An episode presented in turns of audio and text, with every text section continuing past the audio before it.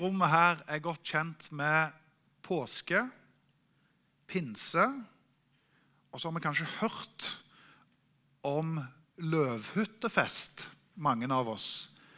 Men det er akkurat som vi har litt kontroll på påske og pinse, men dette ordet løvhyttefest er litt mer fremmed. Grunnen til at jeg nevner alle disse tre i én sving, det er fordi at det var tre store høytider i gamle Israel og israelsfolket. Lenge før Jesus fulgte det med et nytt innhold, så ser du allerede i Mosebøkene at de begynte å feire både påske og pinse og løvhyttefesten. Og alle disse var fester og feiringer som handla om takknemlighet. Takknemlighet fordi at Gud beskytter. Og Dermed så markerte de noe helt spesielt som vitner om Guds beskyttelse i hver av disse høytidene. Når det gjaldt løvhyttefesten, så var det Guds ledelse og Guds beskyttelse av et stort folk. Vi snakker om 3-4 millioner mennesker. Israels folk som ble ledet ut av Egypt, og som var på vandring mot et nytt løftesland. Der ligger løvhyttefesten og beskyttelsen.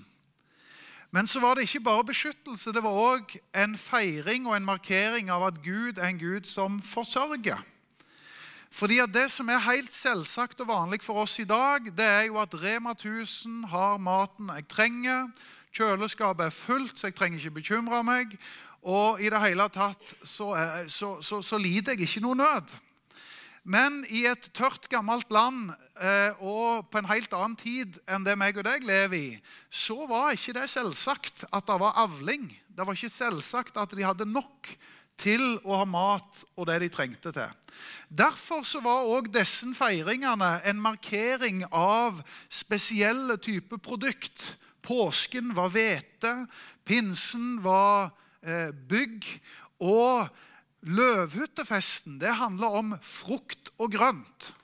Og Nå er jo jeg allergisk mot frukt og grønt, så kanskje ikke jeg hadde feira løvhyttefesten. Jeg sier det på gøy. Jeg er jo ikke det.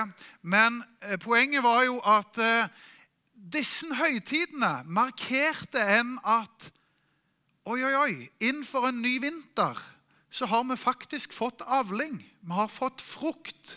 Vi har fått matlager. Vi har reserver som gjør at vi kan gå en vinter i møte.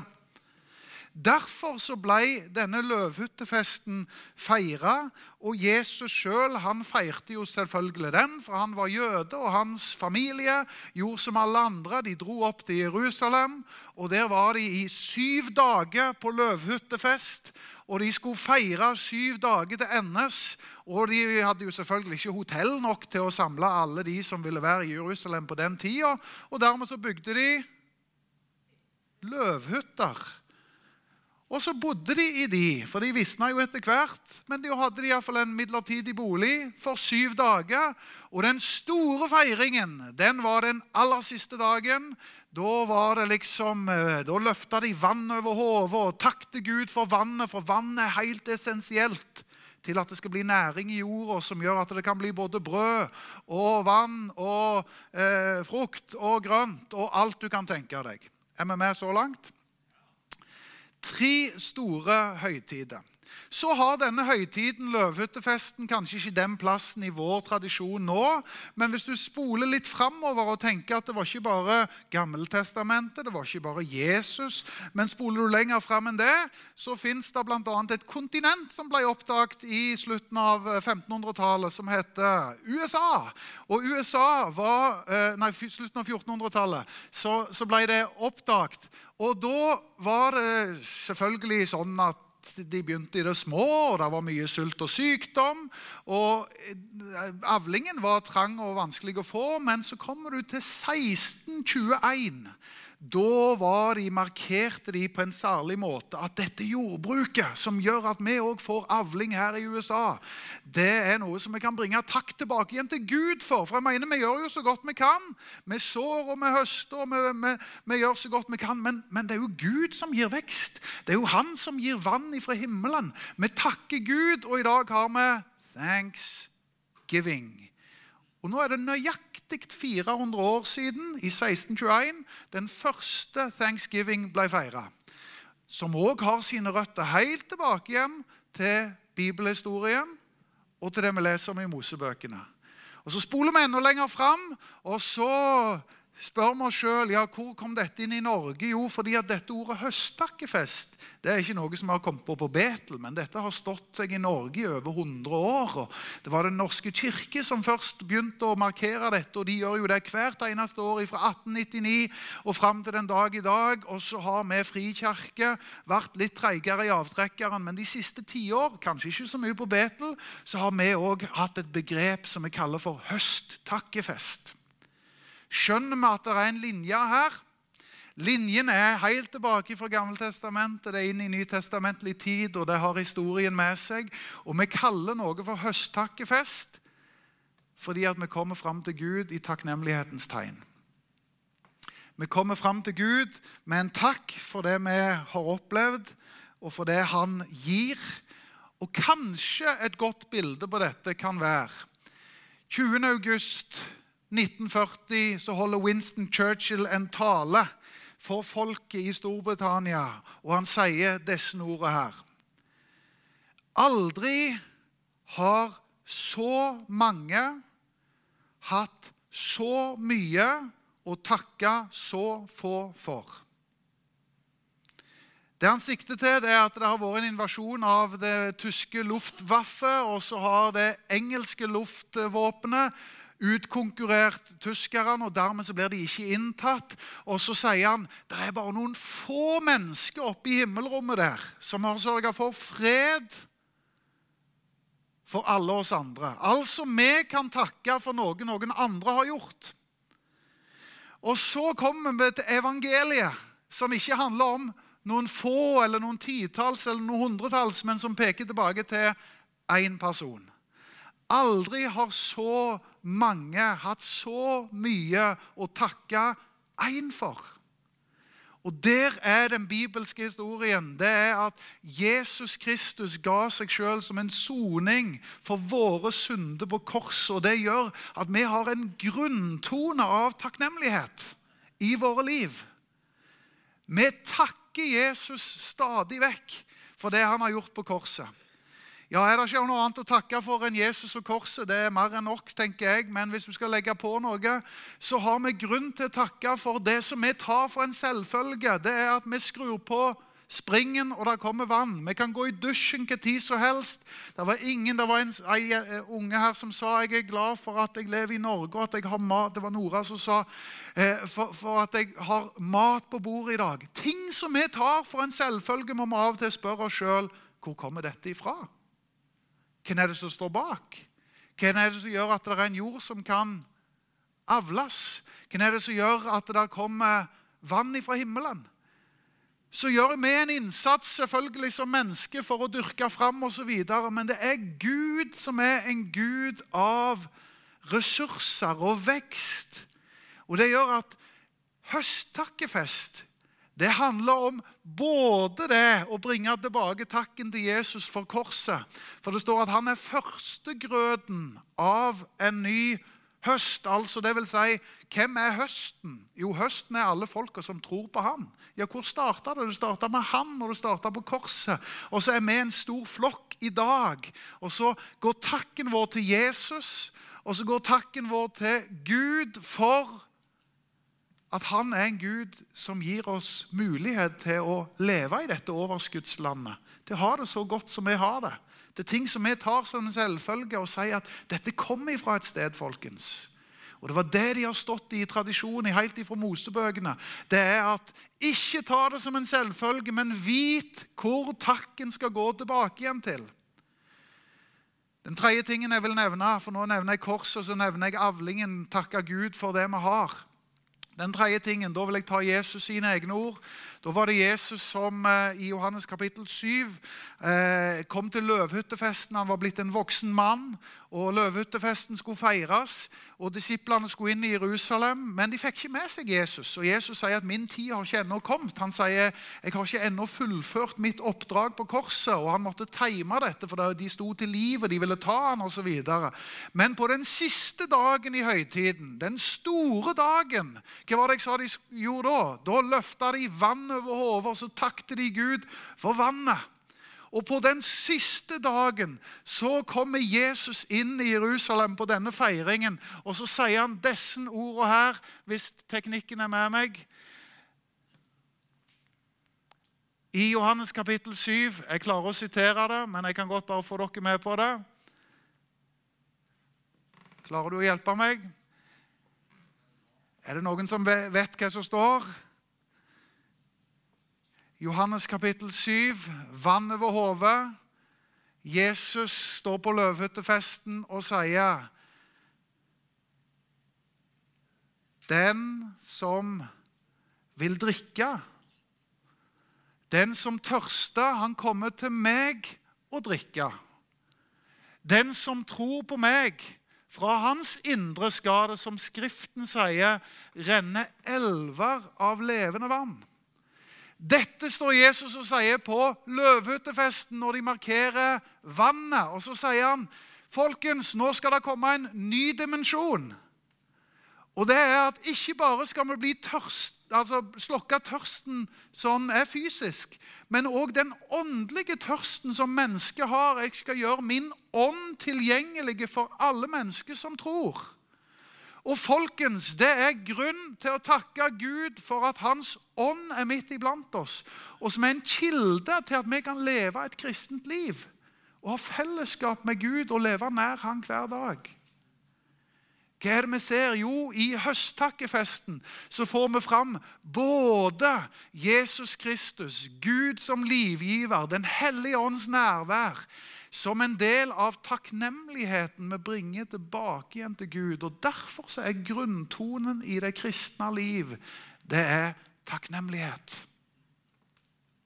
Paulus tar opp denne tråden når han skriver til tessalonikerne, og han sier Takk Gud under alle forhold, for dette er Guds vilje med dere i Kristus Jesus. Hvis du leser hele det kapittelet, så vil du se at han utfordrer oss ganske kraftig. For han sier eh, 'vær alltid glade'. Han sier 'be uavbrutt'. Og Når jeg hører sånne ting, så tenker jeg ja, men det er jo umulig. Altså, går ikke an å alltid være glad. Be uavbrutt det er ganske upraktisk, for da får du ikke gjort noe annet. Jeg mener iallfall For enspora mannfolk som bare klarer én ting om gangen. Det jo, måtte jo ligge og bedt hele veien da, hvis du skal be uavbrutt. Så her oppfordrer han jo oss ting som er helt dønn umulig. Han sier Takk Gud under alle forhold. Og da tenker jeg med en gang, Paulus, har du ikke smakt livet? Skjønner du ikke at livet kan være ganske krevende og utfordrende? Det er jo mange ting det ikke går an Altså, Jeg kan jo ikke være i den situasjonen jeg er nå og si takk. Jeg mener, Nå er livet krevende og vanskelig. Det får ikke endene til å møtes.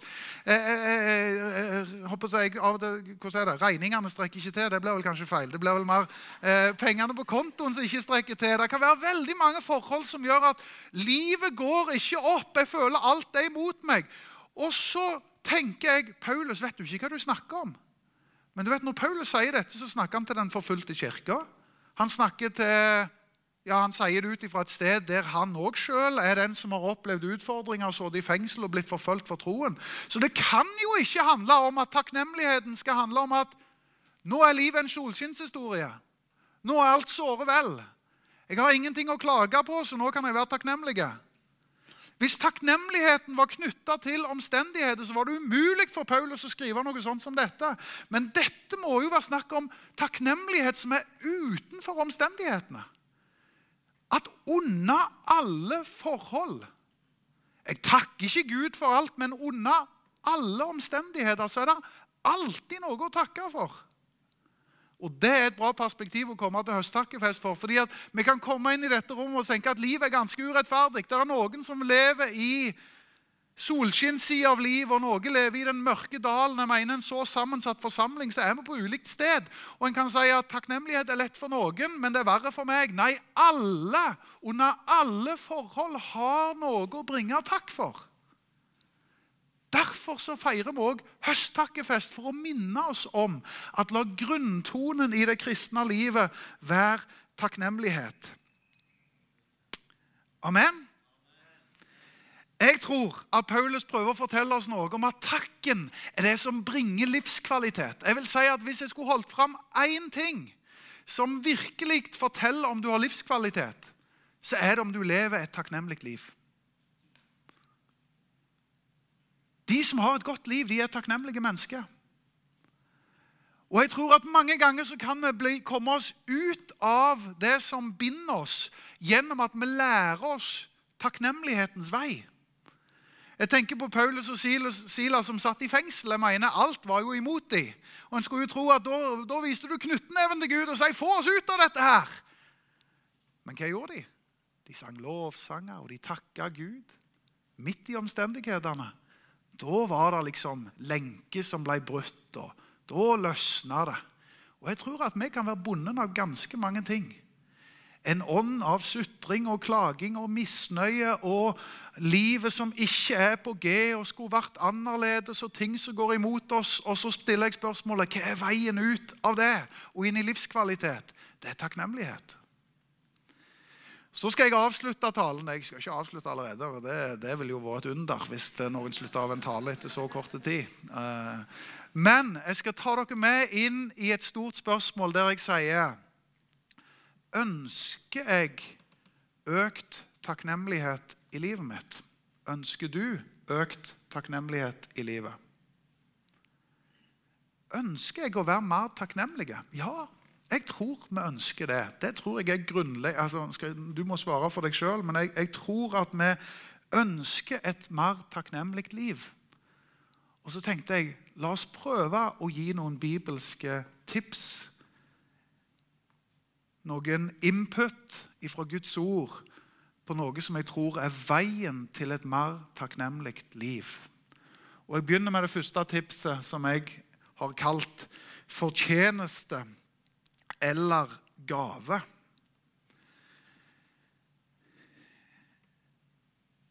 Jeg er iallfall skrudd sammen sånn at hvis jeg får en uventa gave La oss nå si at noen kom til meg med ja, ga meg en bil, eller ga meg 10 000 kroner, eller spanderte en middag på meg, eller skoleboller eller et eller annet. Ja, men La oss holde det på et realistisk nivå. Hvis noen kom med noen ferske skoleboller til meg, f.eks. Katrine har gjort det. Da, bare, altså, da elsker jeg henne rett etter Ketlin. Eh, sånn, så. Uff, nei, det var Signe Toril jeg pleier å si det til. Ja, jeg har mange jeg har rett etter Ketlin. Eh, men La oss si at noen kommer med en uventa gave. Da kjenner jeg at takknemligheten tar meg. Fordi det var uventa, det var ufortjent. Det var ikke noe som jeg hadde sjøl gjort for å få det. Mens når det er fortjeneste, ja, da blir det liksom Det skulle bare mangle. Jeg mener, Første gangen jeg fikk lønn og to og tre, første jobben jeg hadde, da kjente jeg takknemligheten var stor. Tenk det, jeg kunne få liksom jeg tror det var så mye som 15 000 kroner i måneden. Det er liksom, helt crazy. Går det an å tjene så mye? Mens nå er det mer sånn at ja, det skulle bare mangle at penger kom på kontoen. Jeg har jo jobbet for dette. Jeg skulle hatt mer. De skjønner ikke hvor mye jeg fortjener. Altså, Takknemligheten forsvinner jo mer vi tar ting for en selvfølge. Hvordan er det med unger som er av og til, hvis vi ikke er helt uh, kristelige, og sier utkjemte drittunger', eller sier uh, 'utakknemlige' Altså, når, er, når unger er nærmest ufordragelige fordi de er så utakknemlige, da er det jo nettopp det som er grunnen. De tar alt som en selvfølge og tror at de bor på hotell hjemme hos oss. Det gjør de iallfall hjemme hos oss. De tror det er hotell. Vi reier sengene og lager maten og rydder opp etter dem. alltid sammen. Skal vi ta de der ungene våre og snakke litt alvor nå? Nei da. Eh, dere skjønner jeg er i et krigersk humør akkurat her. Jeg prøver bare egentlig å illustrere at når vi er utakknemlige og tar ting som en selvfølge, da blir vi litt mer ufordragelige. Når ting er overraskende og uventa og ufortjent, så blir vi mer takknemlige. Og Grunnen til at jeg bringer inn dette, det er fordi at det er så mange ting i livet vi lett havner i den sida av skalaen at vi tar det som en selvfølge. Det skulle bare mangle. Og Det handler ikke bare om rundt oss, men det handler om òg overfor Gud. Og Det å skjønne at vi er her av nåde Vi er her ufortjent. Fellesskapet med Gud. Fellesskapet med andre troende. Guds menighet. Altså, Det er så mange ting. Maten, klær og tak over hodet. Vi kan selvfølgelig spore det og takke snekkeren og takke eh, banken som har gitt oss lån. Det er mange vi kan takke. Men dypest sett så er det i en kristen forståelse sånn at takken går tilbake igjen til Gud. I Lukas kapittel 18 så lærer Jesus oss noe om dette. fordi at Det fortelles en historie i Lukas, nei, Lukas kapittel 17 fra vers 11 til 18. Så fortelles det om ti stykk som alle fikk hjelp ufortjent. Men ni av de glemte det av. Det skulle så kort tid før en liksom å, nå, nå er det helt ute av radaren. Jeg ba om hjelp, jeg fikk hjelp, men la det gå litt tid, så har jeg glemt det av. Og Så var det bare én som kom tilbake igjen og takte. Og så sier Jesus, 'Lær av denne lignelsen', for sånn er det med folk. Vi ender opp med å bli utakknemlige når vi tar ting for en selvfølge. Men det å begynne å telle velsignelsene og se hva Gud har gjort godt i mitt og ditt liv, det gjør at vi kan få visdom i hjertet. Det gjør at vi kan skjønne at det er først og fremst en gave. Livet er en gave. Frelsen er en gave. Fellesskapet er en gave. Livets goder er en gave. Det er ikke min fortjeneste, det er dypest sett Gud. Det tror jeg er en nøkkel eller tips nummer én til takknemlighet. Og rett og slett takke for det du har, og ikke være fokusert på det du ikke har. Gud har gitt deg noe, og med det utgangspunktet så tror jeg der fødes takknemlighet. Tips nummer to inntrykk og uttrykk. Er det noe nordmenn er gode til, så er det jo å holde det inni oss. Så jeg mener, Vi skal jo ikke gi for mye uttrykk. Jeg mener, Det kan jo bli litt voldsomt. Vi må ikke bli reven med. Og det er helt eh, eller Vi tenker iallfall om det de fleste ting, men det er klart noen ting begeistrer oss. Når Liverpool vinner 5-0 over MU, så kjenner iallfall jeg jeg blir reven med. Det, ja, det, det, var god respons på det. var bra. Altså, Da plutselig så blir det et uttrykk når noe gjør inntrykk. Og jeg tror på at takknemlighet forlenger levetid om en uttrykker det. Altså, Det kan godt hende at disse ni som Jesus snakket om i Lukas 17, var takknemlige, men de ga ikke uttrykk for det. Og det er et eller annet med at vi er ikke mindreaders. Vi klarer ikke alt. Det, takknemlighet bør komme til uttrykk. Derfor så sier Bibelen òg i det som heter lovprisning og lovsang, at vi skal uttrykke det.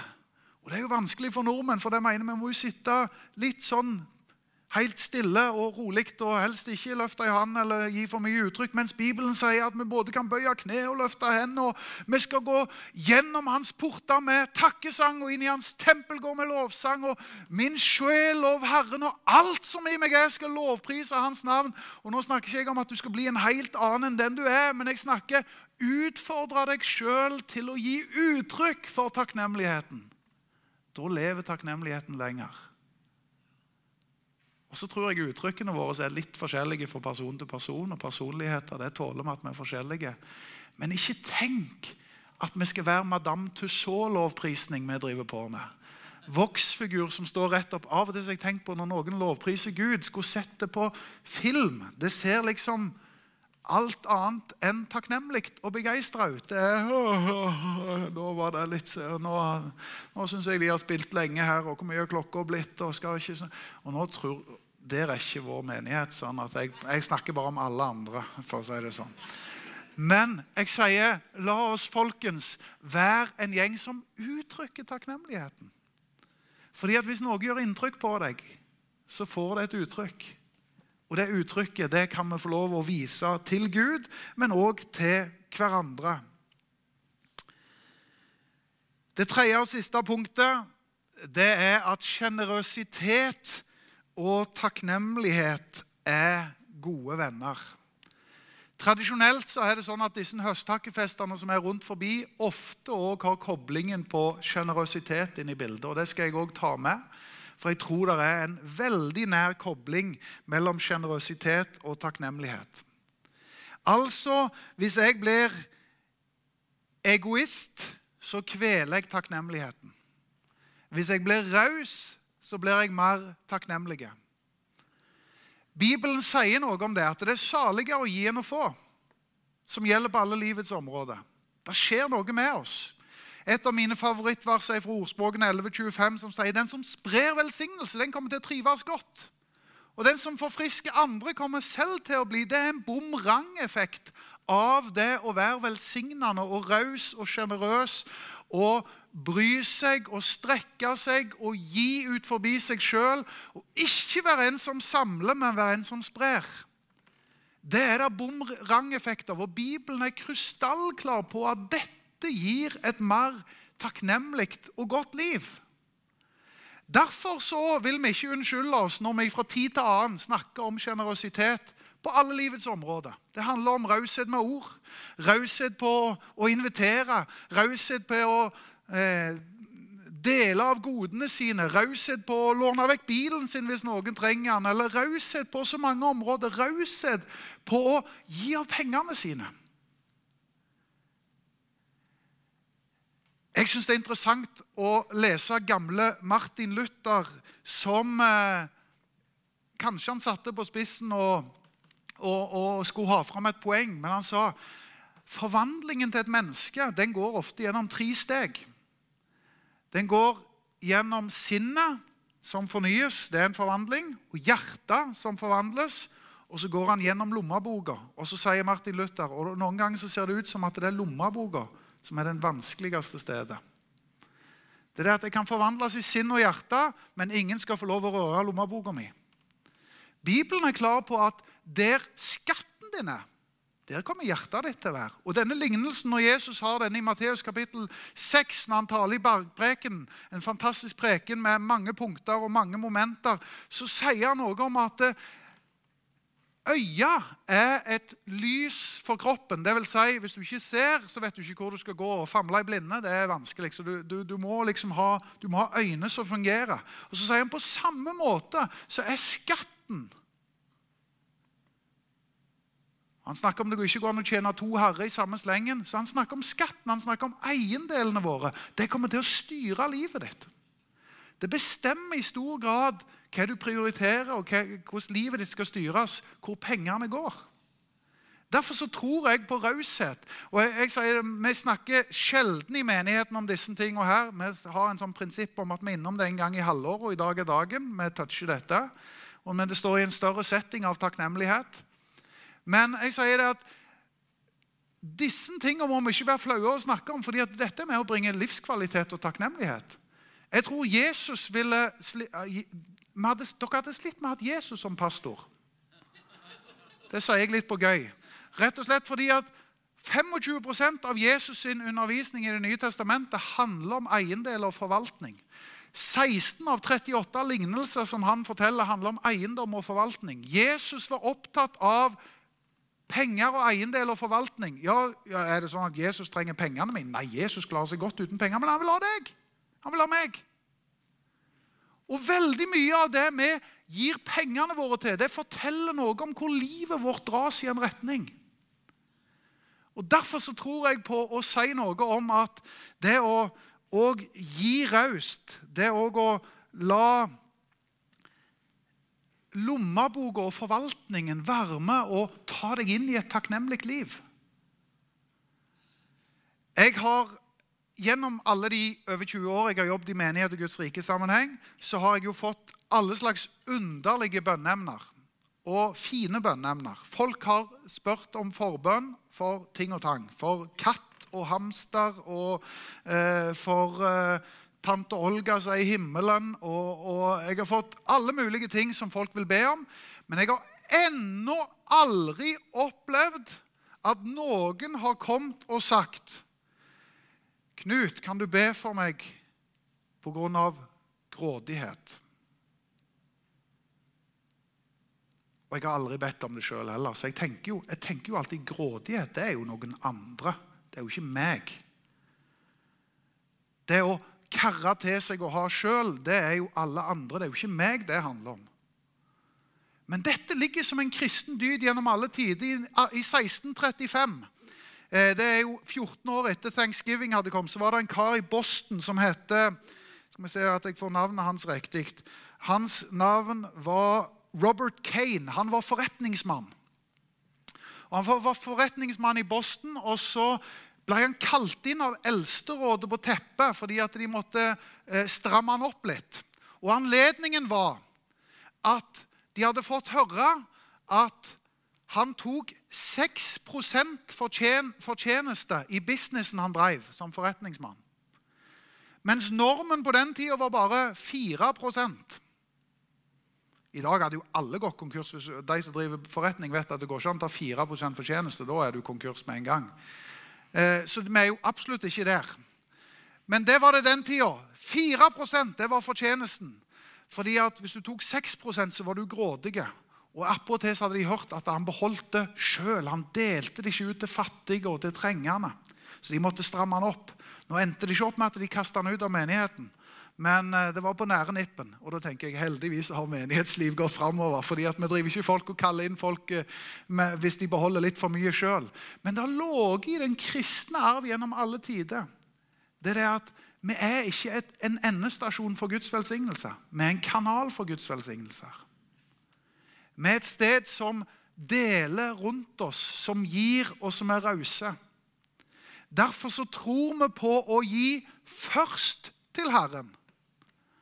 Jeg kunne ramset opp mange bibelvers på det, men først til Herren. Ikke når det er noe til overs. Vi får se om det er noe vekslepenger igjen, og jeg har fått brukt på alt jeg har lyst på, og alt jeg må ha, og alt, alle turene jeg bør reise til, og det nye interiøret jeg trenger, og alt de nye klærne og alt det der. Det er jo massevis av behov. Vi får se om Gud kan få noe sånn helt til slutt. Nei, Bibelens er å snu det tvert om og si begynn med å gi til Herren. Det å sette Herren først det handler òg om hvordan vi forvalter våre midler. Så vet jo jeg at det å tale noe sånt, iallfall til ikke-kristne og folk som er fremmed med kirka, det er jo liksom å dra ned rullegardinen totalt, for liksom en skjønner ikke koblingen. Er dere ute etter pengene? Nei, folkens. Menighet er et stort spleiselag. Vi tror på misjon. Vi tror på å, å, å, å utgjøre en forskjell i denne verden. Derfor så tror vi på forvaltning. Og vi tror på raushet. Og vi tror på at den eneste Iallfall tror jeg på det. At den eneste, eneste, eneste, eneste vaksinen mot grådighet og materialisme, det er å gi. Den eneste, Du kan utfordre meg på det, så kan vi ta praten etterpå. for det er lov å være uenige. Men den eneste, eneste, eneste vaksinen mot grådighet og materialisme, det er å være en giver. Og Jeg tenker, jeg har ikke lyst til å være på grådighetssida, jeg har ikke lyst til å være på egoismesida, jeg har ikke lyst til å være på materialismesida. Og vi er der alle mann, for jeg er der som, som alle. Vi er nordmenn som har det ufattelig godt. Men jeg skal bestemme meg for at først vil jeg gi til deg, Herre. Først vil jeg være velsignende. Jeg vil spre velsignelse. Jeg vil trives godt. Jeg vil ha livskvalitet. Og det å gi ut ifra takknemlighet, det er en livskvalitet. Så nå har jeg talt et langt og bredt budskap som har dratt linjene om høsttakkefest som en lang tradisjon ifra Mosebøkene til Jesus Kristus, til thanksgiving, til høsttakkefest i Norge. Og så har jeg prøvd å forankre dette og si takknemlighet er grunntonen, folkens. Det er livet vi lever. Vi lever i takknemlighet. Og hvis du har lyst til å leve i takknemlighet, så er det tre gode tips her som jeg har prøvd å si noe om. Det handler både om å se livet og alt du har, som en gave. Vær takknemlig for det en har. Det handler om eh, punkt nummer to. Når jeg nesten glemt det sjøl. Det at det, du, du, lar det komme til uttrykk, og at du til og med lar det få lov, lov å nå lommeboka. Så det er jo veldig gledelig hvis vi sier vi, tar, vi omfavner hele Kinderegget. Vi vil ikke liksom bare uttrykke det i ord. Vi vil, vi vil faktisk være en raus menighet. Vi vil være en givende forsamling. Vi vil i takknemlighet være noen som bringer den takken, og som lever i den takken i Jesu navn. Amen. Herre, jeg takker deg for at jeg kan få lov å stå i en forsamling og vite at uh, dette er min familie, det er min flokk. Det er du som har sveist oss sammen og gitt oss denne her enheten som er deg som Herre, deg som frelser. Du er Gud. Og Winston Churchill sa at vi hadde mye å takke veldig få om. Vi har veldig mye å takke én for. Deg, Herre. Korset. Takk for korset. Takk for din ånd, det levende vann som er utgitt midt iblant oss. Takk for dine gode gaver og velsignelser som gjør at vi kan få lov å ha alt vi trenger til. Og Herre, jeg ber om at vi skal få lov å leve i takknemlighet som forsamling. Det er alltid noe å takke deg for. Takke deg under alle forhold. Og Herre, jeg ber om at vi skal få lov å både oppdage de takknemlighetene og uttrykke de takknemlighetene. I Jesu navn. Amen.